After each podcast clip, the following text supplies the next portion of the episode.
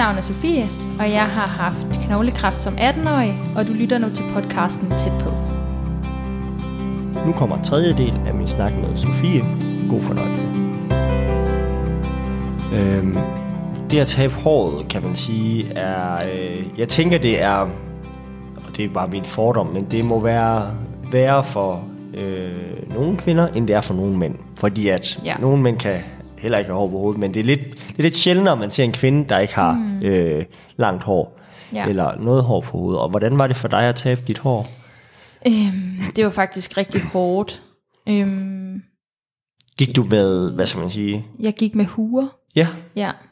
Øhm, men jeg tror, at jeg frøs meget hovedet. Hmm. Jeg var ikke så klar over, at ens hår faktisk beskyttede så meget. det varmer. For sådan, ja, altså helt vildt.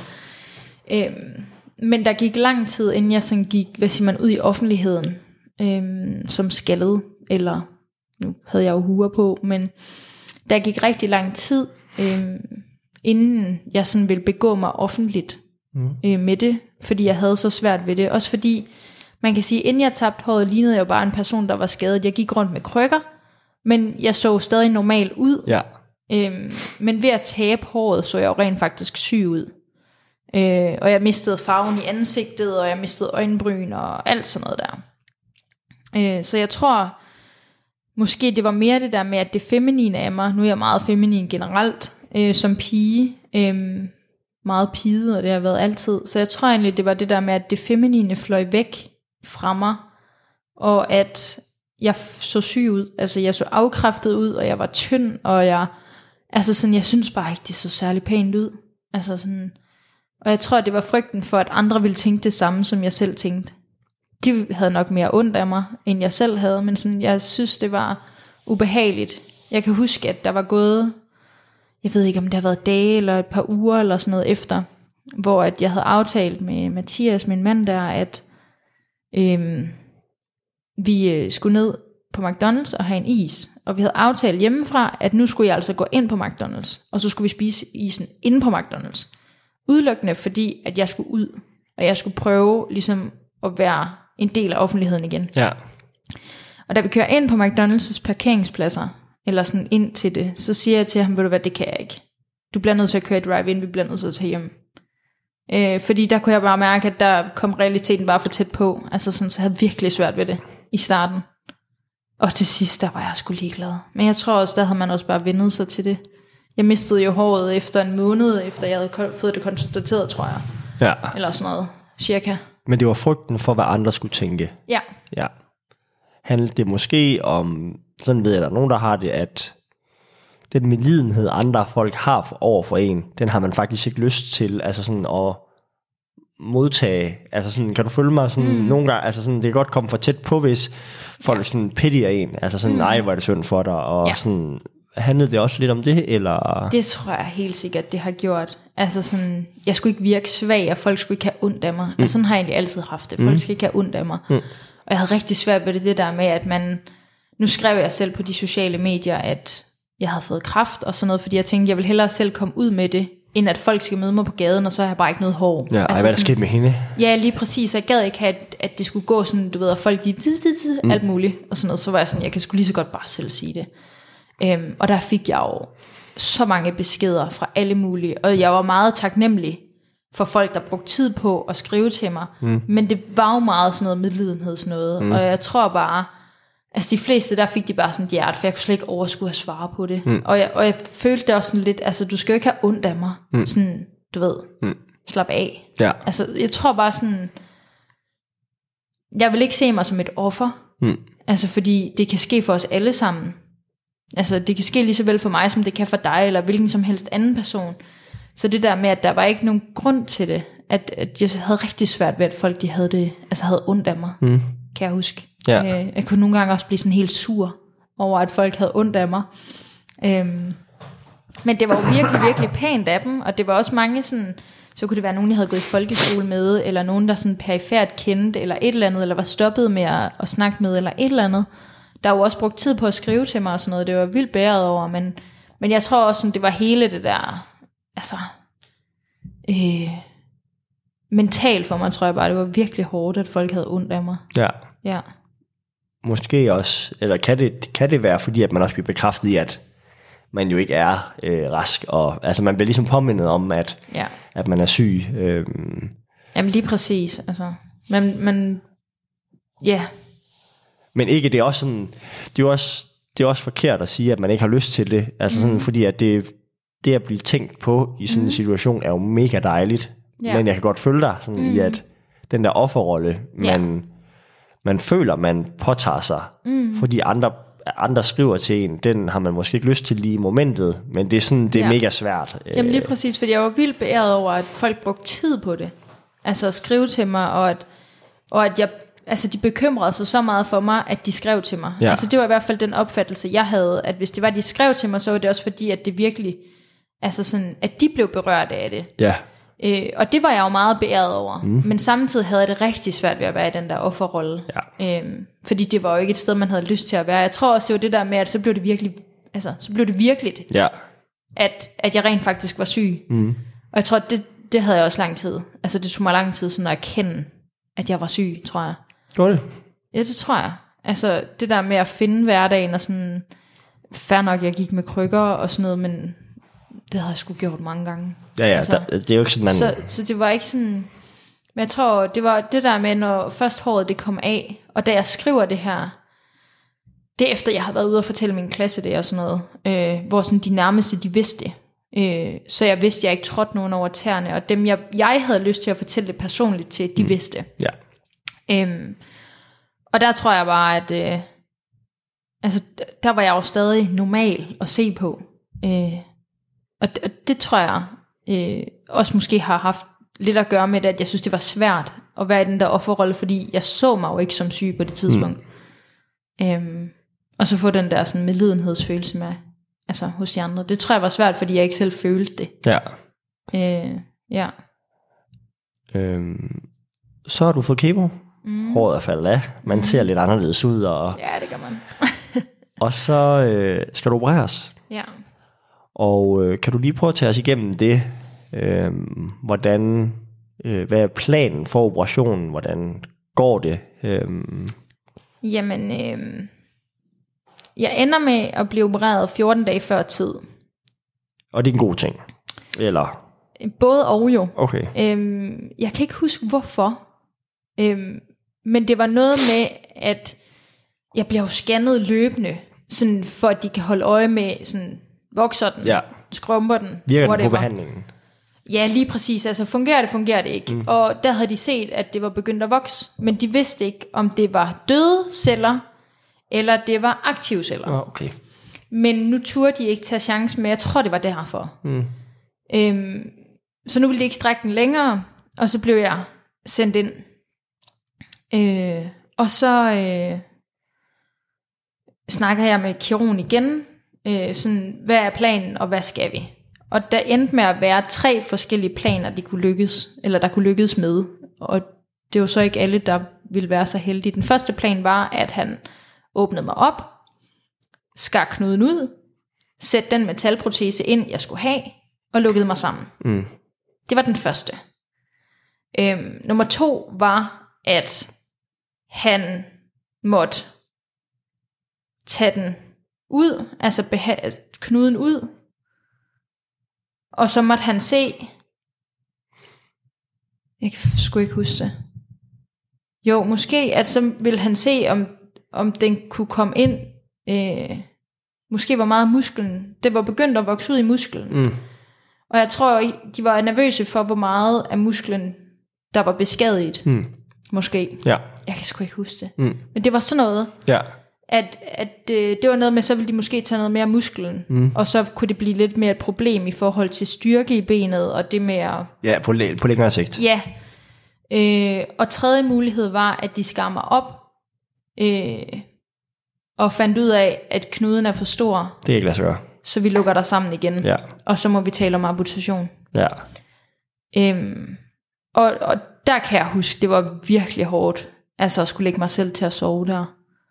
Øh, fordi at jeg var så ud, uvidende om, øh, om jeg havde en knude eller ej, når jeg vågnede. Fordi jeg vidste, hvis jeg stadig havde knuden, så var det fordi mit ben det skulle tages af. Ja. Øh, og, og det synes jeg sgu ikke var særlig sjovt. Øh, jeg var mega glad for, at han fortalte mig det, Ja. så det ikke bliver et chok, når jeg vågner op, at jeg var forberedt på det inden, men shit, mand. Altså, det var fandme ikke særlig sjovt. Amputation er lige pludselig også altså et helt andet game. Altså sådan, Fuldstændig. Altså, det, er det er noget jo helt andet. udseendsmæssigt Ja. noget helt andet, ikke? Ja, Og så i forvejen, at man har det svært med at miste håret, hvordan vil man så have det med at miste et ben, ikke? ja, Øhm, men jeg tror også på en eller anden måde, at øh, jeg var kommet dertil, sådan husker jeg det, og sådan har jeg fået det fortalt af mine forældre efterfølgende, at jeg egentlig også er kommet til det punkt, at hvis det kræver, at benet bliver taget af, så hellere det, og så overleve, ja. end ikke at overleve. Øhm, men det var virkelig ikke særlig sjovt. Altså at skulle falde i søvn, og så ikke vide, hvad resultatet var. Mm. Fordi jeg ville have benet lige meget hvad, men spørgsmålet var, hvad der var inde i benet. ja. Ja. Og så øh, bliver du opereret, mm. og du vågner op. Og hvad vågner du så op til? Øh, jamen, øh, jeg vågner op til, at mine forældre står ved siden af mig, og det gør fucking ondt. Ja. Altså, jeg har mega mange smerter, og så ligger de i en større blokade, og jeg får noget mere morfin sprittet ind. Og dem, der er taget med mig på sygehuset, er mine forældre, og så min fars kone, og så min kæreste der, på daværende tidspunkt. Øh, som nu er min mand, jo. Ja. ja. Øh, nej, og så... Øh, øh, der har... Øh, der har vi ikke snakket med kirurgen. Mine forældre har ikke snakket med kirurgen. Men kirurgen har været op ved min, øh, hvad det hedder, bonusmor og min mand. Øhm, og øh, så har min bonusmor så skrevet ned til min far. Øhm, så jeg vågner op og har mega ondt. Og så smiler mine forældre. Og så tænker jeg, hvad fanden sker der? Hvad fanden smiler I for? Ja, hvad foregår der? Og så siger de, øh, at ja, han har været op der ved min bonusmor, min, min, min mand og sådan noget. Øhm, og øh, vi har lige fået svar fra hende, og de har altså, de var gået med plan A, så mm. det hele var lykkedes. Og så begynder jeg bare at tude. Mm. Altså fordi jeg tror, altså så kulminerede det hele Ja. bare. Øh, og kort tid efter, så kommer kirurgen, som jeg husker det i hvert fald. Øh, og så siger han, øh, har du snakket med din bonusmor? og så siger jeg, ja det har jeg. Og så siger jeg, fint nok, men jeg fortæller dig det også lige, så du hører det fra mig. Og så fortalte han mig det igen, og jeg græd bare. Og så blev jeg kørt op på den stue, jeg skulle ligge op på, og så græd jeg jo også bare, da jeg så dem, og sådan noget. Det var bare, ja. Hvad vil det betyde for dig at skulle amputeres? Fordi jeg tænker, der må have været nogle følelser forbundet med det for dig, altså sådan, som ja. rækker ud over det måske at, øh, nu øh, siger jeg bare, det er det jo ikke bare, men det at miste øh, noget af benet, hvad, hvad, hvad var der i det for dig, siden at det var bare overhovedet ikke, øh, altså selvom du, faktisk, du havde faktisk forenet dig med det, at hvis Ja. det var det, så var det det. Ja. Men hvad var der forbundet med af tanker for dig at skulle amputeres, hvis det var det, det var ind med? Jeg tror, det var udseendet. Altså udelukkende udseendet, det lyder så banalt og så åndssvagt, ikke? Men jeg tror alle taler, at det, jeg var mest nervøs for, det var udseendet. Altså, og det der med, at ja, nu vi er mand og kone, men, men vi var jo ikke kærester, inden jeg blev syg. Øh, vi bliver først kærester 10 dage efter, og jeg tror, at, at jeg er nervøs for, om han også synes, jeg stadig vil være pæn bagefter. Mm. Og hvordan vil alle andre tage det? Og hvordan vil jeg tage det? Mm. Ikke at have noget ben, altså vågne op. Og jeg havde helt til at starte med snakket med en anden dreng, der også øh, havde været syg, også med knoglekræft, og havde faktisk fået amputeret benet sådan til lige over knæet, tror jeg det var. Eller lige under knæet, jeg kan ikke huske det. Øhm, og han sagde bare, at han havde rigtig mange fantomsmerter, og næsten spiste 30 piller om dagen, udelukkende for fantomsmerter. Jeg tror, at det var den der bølge af, shit mand, altså, Mm. nu skal jeg så have det hele livet, det der med, at Ja. man kan mærke en stor tog, som ikke er der, og sådan noget. Og, og det tror jeg, jeg synes var rigtig svært, og så det med udseendet, og hvordan ville andre folk tænke om mig, hvis jeg kom der med sådan et metalben. Mm. Øhm, Okay. Så det var det, ligesom det, du forbandt med det. ja, det tror jeg. Mm. Ja. Øhm, men heldigvis, øh, så øh, vågner du op og har fået en protese, mm. eller hvad skal man sige, Ja. en metalprotese ind. Ja. Og øh, er det så rigtigt forstået, at efterfølgende, så får du kemoterapi igen? Ja. Ja. Dobbelt så meget som først, altså inden behandling. Ja. Og For det- at være sikker på, at det hele det er væk. Og sådan Ja. ja. Og det, det forløber, som det skal. Øh, ja, altså jeg har egentlig igennem hele mit, min kemo, mit kemoforløb øh, haft problemer. Fordi den sidste behandling, der hvor jeg skulle have kemobehandlingen ud igen ved hjælp af de der 5 liter væske, øh, der er det egentlig meningen, at jeg skal have den af to uger. Mm. Øhm, men det når jeg aldrig til, fordi min krop ikke kan finde ud af at udskille det der kemo. Mm. Øh, så jeg får altid kun en uge, øh, fordi jeg nærmest går over i uge nummer to, hvor jeg skulle have den nye behandling. Ja. Så jeg når det aldrig. Øhm, så der kan man sige, der har jeg jo altid haft et problem. Mm. Øh, men ellers så gik det, som det skulle. Øh, og ja, så blev jeg jo haste, altså akut indlagt der på Randers på grund af slimhinderne der. Ja. Øh, men ellers så går det jo som det skal. Mm. Og jeg tror bare, det er fordi min krop er helt ødelagt. Og der til sidst, altså det var frygteligt. Det tog også, jo længere hen i forløbet vi kom, jo længere skulle jeg også blive der til den behandling, hvor jeg skulle udskille øh, kemobehandlingen. Ja. Og jeg tror simpelthen, det var fordi min krop ikke kunne mere til sidst. Altså jeg var så ødelagt. Øhm, og det var virkelig hårdt ikke at sove i en, mellem en, altså 7 til 10 dage. Ikke? Ja. Fordi over tis. man tisser hvert kvarter. Ja. Hvis jeg kunne strække den, var det 20 minutter, men det er også det, hvis du får 5 liter væske ind på 24 timer, altså Det skal ud igen. det skal virkelig hurtigt ud. Ja. Og jeg brugte også lang tid på at komme ud, altså i hvert fald inden jeg blev opereret, og lige efter selvfølgelig, fordi jeg skulle også lære at gå igen. Jeg havde jo ikke gået i, altså sådan ordentligt på det i, hvad var det, tre måneder eller sådan noget. Fire måneder, tror jeg. Så jeg gik jo med det der stativ, hvor man har behandling på, der havde jeg mit kraftben på den der, øh, det der stativ, sådan om foran mig, og så måtte jeg jo gå med krykkerne, for jeg skulle have det der åndssvagt stativ med. Hvordan gør man det, når du har to krykker? Du har jo ikke tre arme. Øh, så allerede der, der tog det bare ekstra lang tid for mig, bare at komme ud på toilettet jo. Ja. Så jeg skulle ikke holde den særlig længe, øh, før jeg virkelig skulle ud. Så det var sådan hele tiden. Og mine forældre endte også med sådan at kunne se på mig, når jeg skulle tisse, fordi hvis vi var i gang med at snakke, synes jeg, det var uhøfligt hele tiden at gå ud og tisse. Jeg synes, Ja. det var uhøfligt at gå på toilettet hele tiden. Så jeg begyndte sådan at sidde og vippe sådan med foden. Og så siger de, Sofie, gå nu bare ud. Og så Ja. er jeg sådan, ja okay, fint nok. så til sidst, så var det også bare sådan, der gik jeg bare derud. Altså, der gad jeg nærmest ikke at lukke døren, fordi at, så kunne jeg stadig blive ved med at snakke med dem samtidig. ja. Øhm, ja, så det var bare skide irriterende. Så nu hver gang jeg ryster sådan med foden, så er de sådan, skal du tisse? Ja. Hvordan øh, sådan med, øh, med benet? Var der, noget, var der noget vanskeligt ved at genoptræne det bagefter, øh, når man har en metalprotese, eller sådan fungerer det egentlig meget, som det gjorde før? Eller? Mm. Jeg har jo ikke noget korsbånd, ledbånd eller menisk. Mm. Jeg har en knæskal og protesen. Ja. Øhm, og ved at jeg ikke har gået og støttet på mit ben i fire måneder, så øh, er musklen så godt som død. Ja. Så det der med bare at skulle øh, finde ud af, hvordan jeg skulle gå igen, det var virkelig svært. Ja. Øhm, det var sådan noget med, at når jeg skulle op og lære at gå efterfølgende, det gik ikke særlig lang tid, før jeg allerede skulle op og gå. Det skulle jeg måske allerede dagen efter, eller sådan noget, tror jeg. Øh, fordi de ville gerne have mig i gang hurtigst muligt. Ja. Øh, så tog jeg sådan op fra hoften af, og sådan kastede benet sådan frem med hoften, mm. fordi jeg ikke kunne løfte mit eget ben. Mm.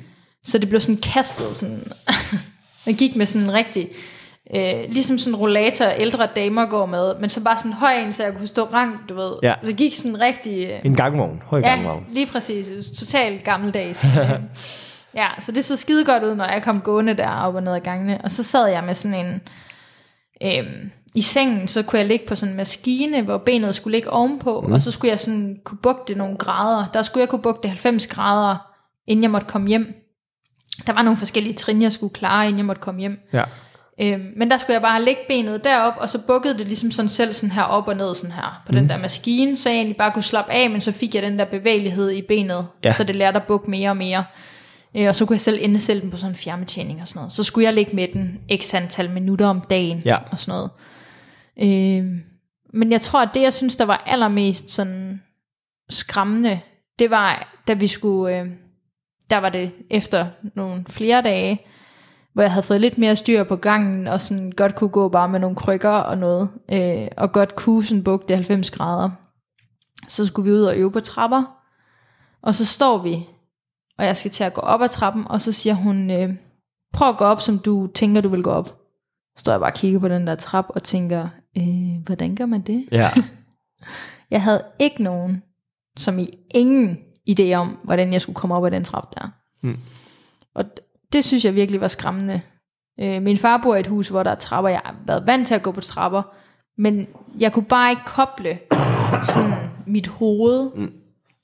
ned til min ben, så jeg bare kunne gå. Det synes jeg virkelig var, øh, var svært. ja. Øhm, Tog det lang tid at lære? Det tog rigtig lang tid at lære. Øh, og jeg tror først, det var efter, øh, hvad har det været? Efter et år, at jeg rent faktisk begyndte at gå sådan helt normalt. Øh, nu har jeg en far, der har været meget strid på det punkt, fordi han var sådan, du forvolder dig større skade ved at gå sådan skævt. Jeg gik sådan, Jeg er vugget. ja, sådan fra side til side-agtigt. Øhm, og han blev ved med at sige, når vi var ude at gå og sådan noget, gå ordentligt, gå ordentligt. Øh, og det er jeg jo mega glad for, at han har gjort i dag, fordi Ja. ja. det gør, at jeg går normalt i dag. Øhm, men jeg havde mega svært ved det. Mm. Altså, øh, og jeg, også bare det der med at træne musklerne op. Jeg lå også med sådan nogle elektroder, øh, sådan nogle klistre elektroder, øh, hvor jeg skulle øh, give strøm til musklen. Er at sådan få bliver den i gang. stimuleret. Ja, lige præcis, for sådan at få den i gang, og sådan, øh, og, det tror jeg virkelig, jeg synes var mærkeligt. Altså sådan det der med, at, at jeg skulle starte helt forfra. Ja. Altså ligesom små børn lærer at gå. Det Jeg skulle lige sige, det, man, man gør Ja. det jo egentlig ikke, øh, fordi at man, øh, det, det, den, altså, det er jo fra barns ben af, man Mhm. træner sådan noget op til, at den kan holde til, at man går og løber og sådan noget. Ja. Men så skal man lige pludselig til det igen. Ja, og bare, altså bare balance og sådan noget, ikke? Altså, og det med at stole på sit ben, Ja, det synes jeg virkelig var svært. Øhm, så jeg gik med krykker i rigtig lang tid. Altså mest også for støtten, og sådan, ja, havde dem stort set også med, selvom jeg måske ikke brugte dem, så gik jeg bare med den i hånden. Sådan en enkelt kryg, så havde jeg bare den med, så gik jeg bare rundt med den. bare for fordi- at have en sikkerhed. Ja, altså hvis nu der skulle ske noget, eller hvis nu, at jeg fik ondt i det, eller et eller andet, så Ja. havde jeg den. Jeg har også efterfølgende købt en stok, der sådan kan folde sammen, så den ikke fylder så meget som sådan en kryg. Praktisk. Ja, det er sådan lidt upraktisk at rende rundt med sådan en kryg, så jeg har en stok, jeg kan tage med. Ja. Ja, Da du var på sygehuset, havde du enestue der?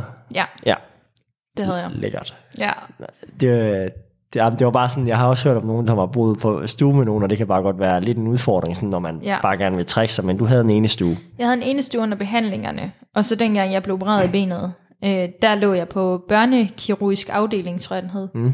Og der lå jeg sammen med en anden. Okay, Øhm, men der var jeg kun i de der 10 dage. ja. Øh, ellers har jeg ligget på ene stue. Nå, okay, altså nogle gange, så kan man også få noget ud af at, at faktisk bo sammen med nogen, at man, Ja. at, at man faktisk er i samme situation, og at man Ja. begynder at snakke sådan, så sådan kan det selvfølgelig også være. Lige Øh, præcis, men altså jeg kan bedst lide at ligge alene, tror jeg. Ja, Altså sådan, det var meget hyggeligt, at vi kunne sådan snakke over på den anden side af væggen og sådan noget. Men sådan, ja, jeg tror bare, at øh, også fordi jeg tit fik besøg, Mm. og det gjorde hende den anden ikke på samme måde. Mm. Og jeg lå sådan, hvad siger man, længst nede i rummet. Ja. Så mine forældre og sådan noget skulle altid forbi hende. ja, Og det tænker jeg, at for hendes vedkommende, det må da også være vildt irriterende. Ja. Altså, øhm, men øh, ja, ellers så synes jeg egentlig, at, at det var fint nok for den tid, men hvis jeg skulle have gjort det i syv måneder, så tror jeg, jeg ville synes, det var lidt træls. ja, fordi hvor lang tid, er, hvor lang tid varede det hele så, altså fra du... I syv øh, måneder. Syv, syv måneder, Ja. ja. Fra jeg fik det konstateret til, at jeg blev raskmeldt. Og øh, kan du huske øh, noget, hvis vi lige sådan skal prøve at se på de syv måneder, sådan, kan du så huske, eller er der nogle situationer, som vi ikke har trukket frem endnu, som du gerne vil trække frem, som var sådan rigtig svære, eller det var rigtig godt, eller sådan i hele de der syv måneder, eller har vi sådan været omkring det hele? Øhm, Jamen, jeg tror egentlig sådan, for forløbet, der tror jeg, jeg var meget afklaret med alting, mm. og sådan, øh, jo længere hen vi kom, jo mere sådan afslappet var vi alle sammen omkring det, synes jeg. Øh, og det blev mere en hverdag, men jeg tror egentlig mere, at jeg synes, det var svært bagefter. Øh, men sådan i forløbet, jeg synes, vi har været godt omkring sådan det hele, og mm, Altså både det svære, men også det gode. Men jeg synes faktisk, for at være helt ærlig, så blev det først svært bagefter. det var tredje del af min snak med Sofie lyt med igen på onsdag, hvor fjerde og sidste del kommer. Hej hej.